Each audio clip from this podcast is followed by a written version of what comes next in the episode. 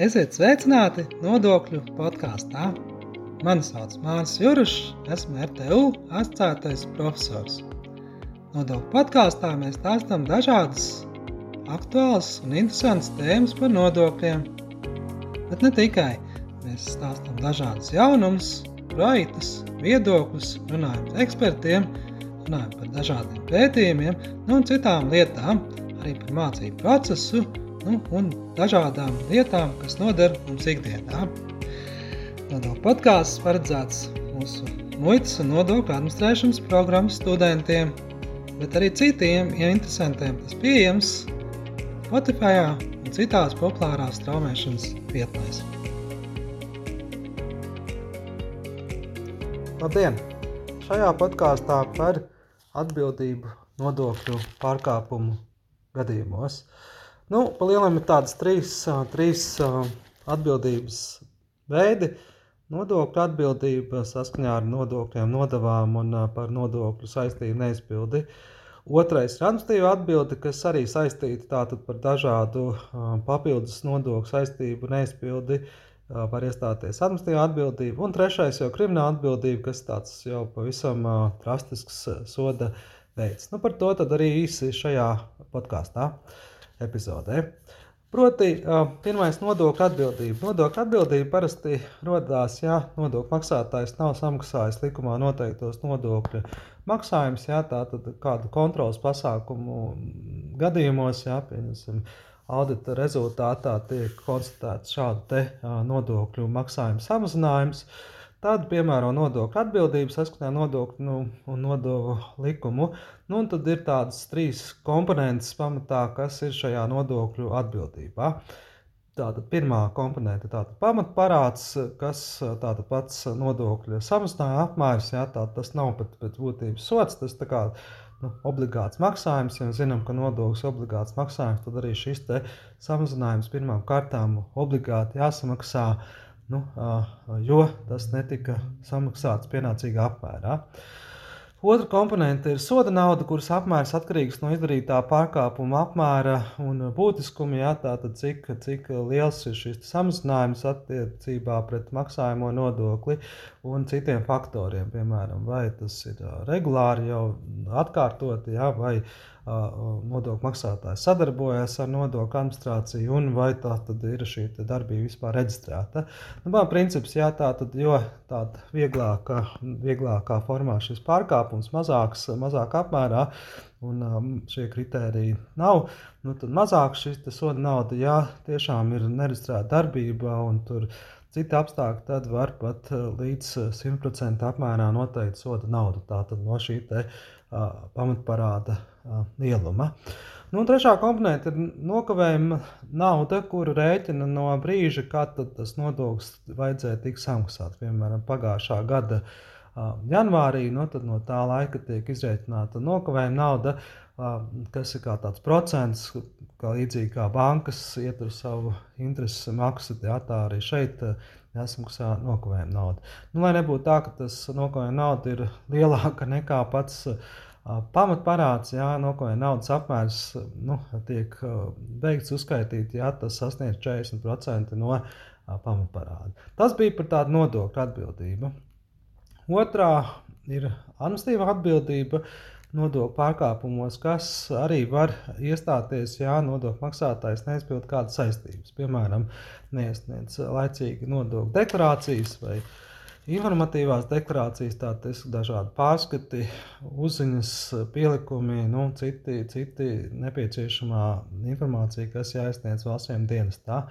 Tāda attiecīgi administratīvo nu, atbildību nosaka arī šo konkrēto prasību likumi, kuros parasti beigās ir noteikti šī administratīva atbildība par likumu neizpildi. Ja?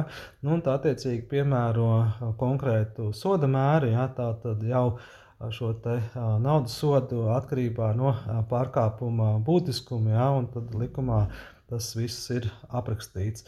Nu, nodokļu deklarācijas šī administratīva atbildība turpmāk paredzēta automātiski. Ja, tā tad tiek brīdināts nodokļu maksātājs par nodokļu deklarācijas iesniegšanas termiņiem. Nu, un, ja viņš ne, nokavē, tad attiecīgi tiek skatās, cik tad, cik, tad viņš gal galā iesniedzis, ja, un cik viņš ir dienas nokavējis no šīs nodokļu deklarācijas iesniegšanas brīža. Un, attiecīgi, automātiski sistēma noteiks attiecīgo soda apmēru.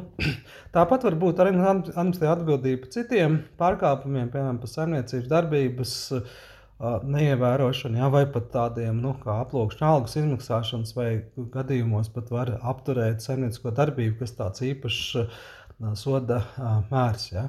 Nu, un arī par citiem gadījumiem, piemēram, par elektronisko kases sistēmu prasību neievērošanu vai citu tirzniecības vai ar citiem nu, šiem uzskaitas reģistrācijas nodokļu saistību izpildes prasību gadījumos var piemērot atbilstošu administratīvā atbildi.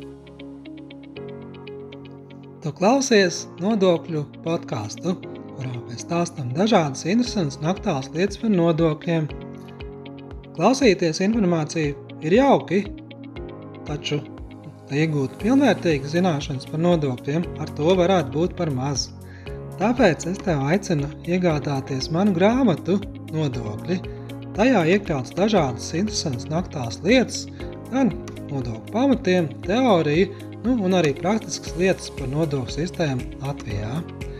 Iegādājoties šo grāmatu, personiski atbalstīs mūsu ieguldījumus studiju procesa pilnveidošanā un aktuāls mācību literatūras sagatavošanā. Bonusā tu saņemsi arī autoru parakstu, nu, ja atnāks pie mums ciemos. Grāmata pieejama RTU grāmatnīcā internetā, kā arī RTU ķīpseles kompleksā Āzenes ielā 6.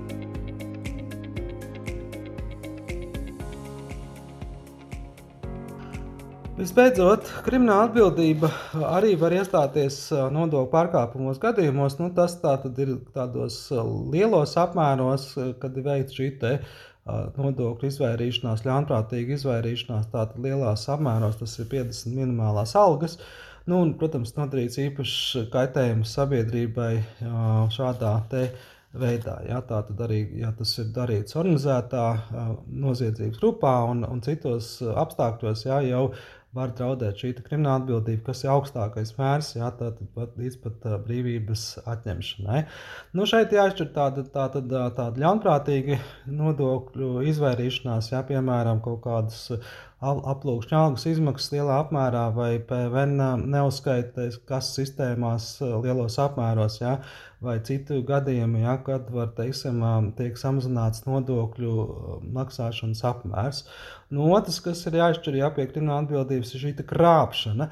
Krāpšana nu, jau īpaši tas ir attiecināms uz PVN gadījumiem, kad atšķirībā no tās ļaunprātīgas nemaksāšanas, jā, jau tāda apzināta uh, darbība arī bieži vien organizētās noziedzības grupās, ja, iesaistoties dažādās schēmās, ķēžu darījumos vai pat Eiropas Unībās karusē schēmās, ja, no kuras rezultātā no budžeta tiek izkrāptas lielos apmēros PVN summas. Tā tad nevis iet runa par tādu nesamaksāšanu, bet jau par tādu ļaunprātīgu mānīšanos ja, un personiskā labuma iegūšanu no valsts līdzekļiem. Ja.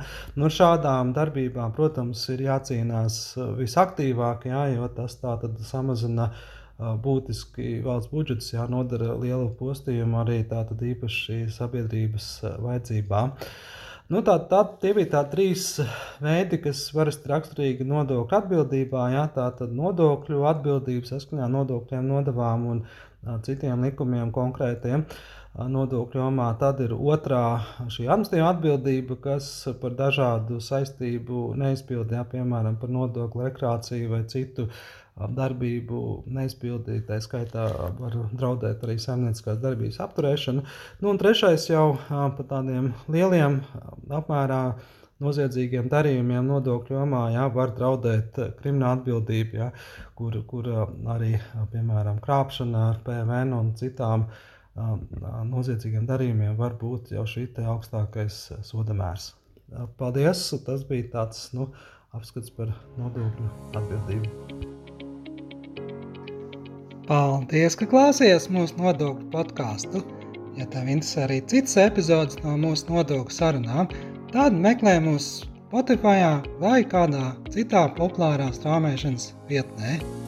Atsauksmes sūta mums e-pastā māris.cirus at rtu.lv. Tā, līdz nākamajai reizei!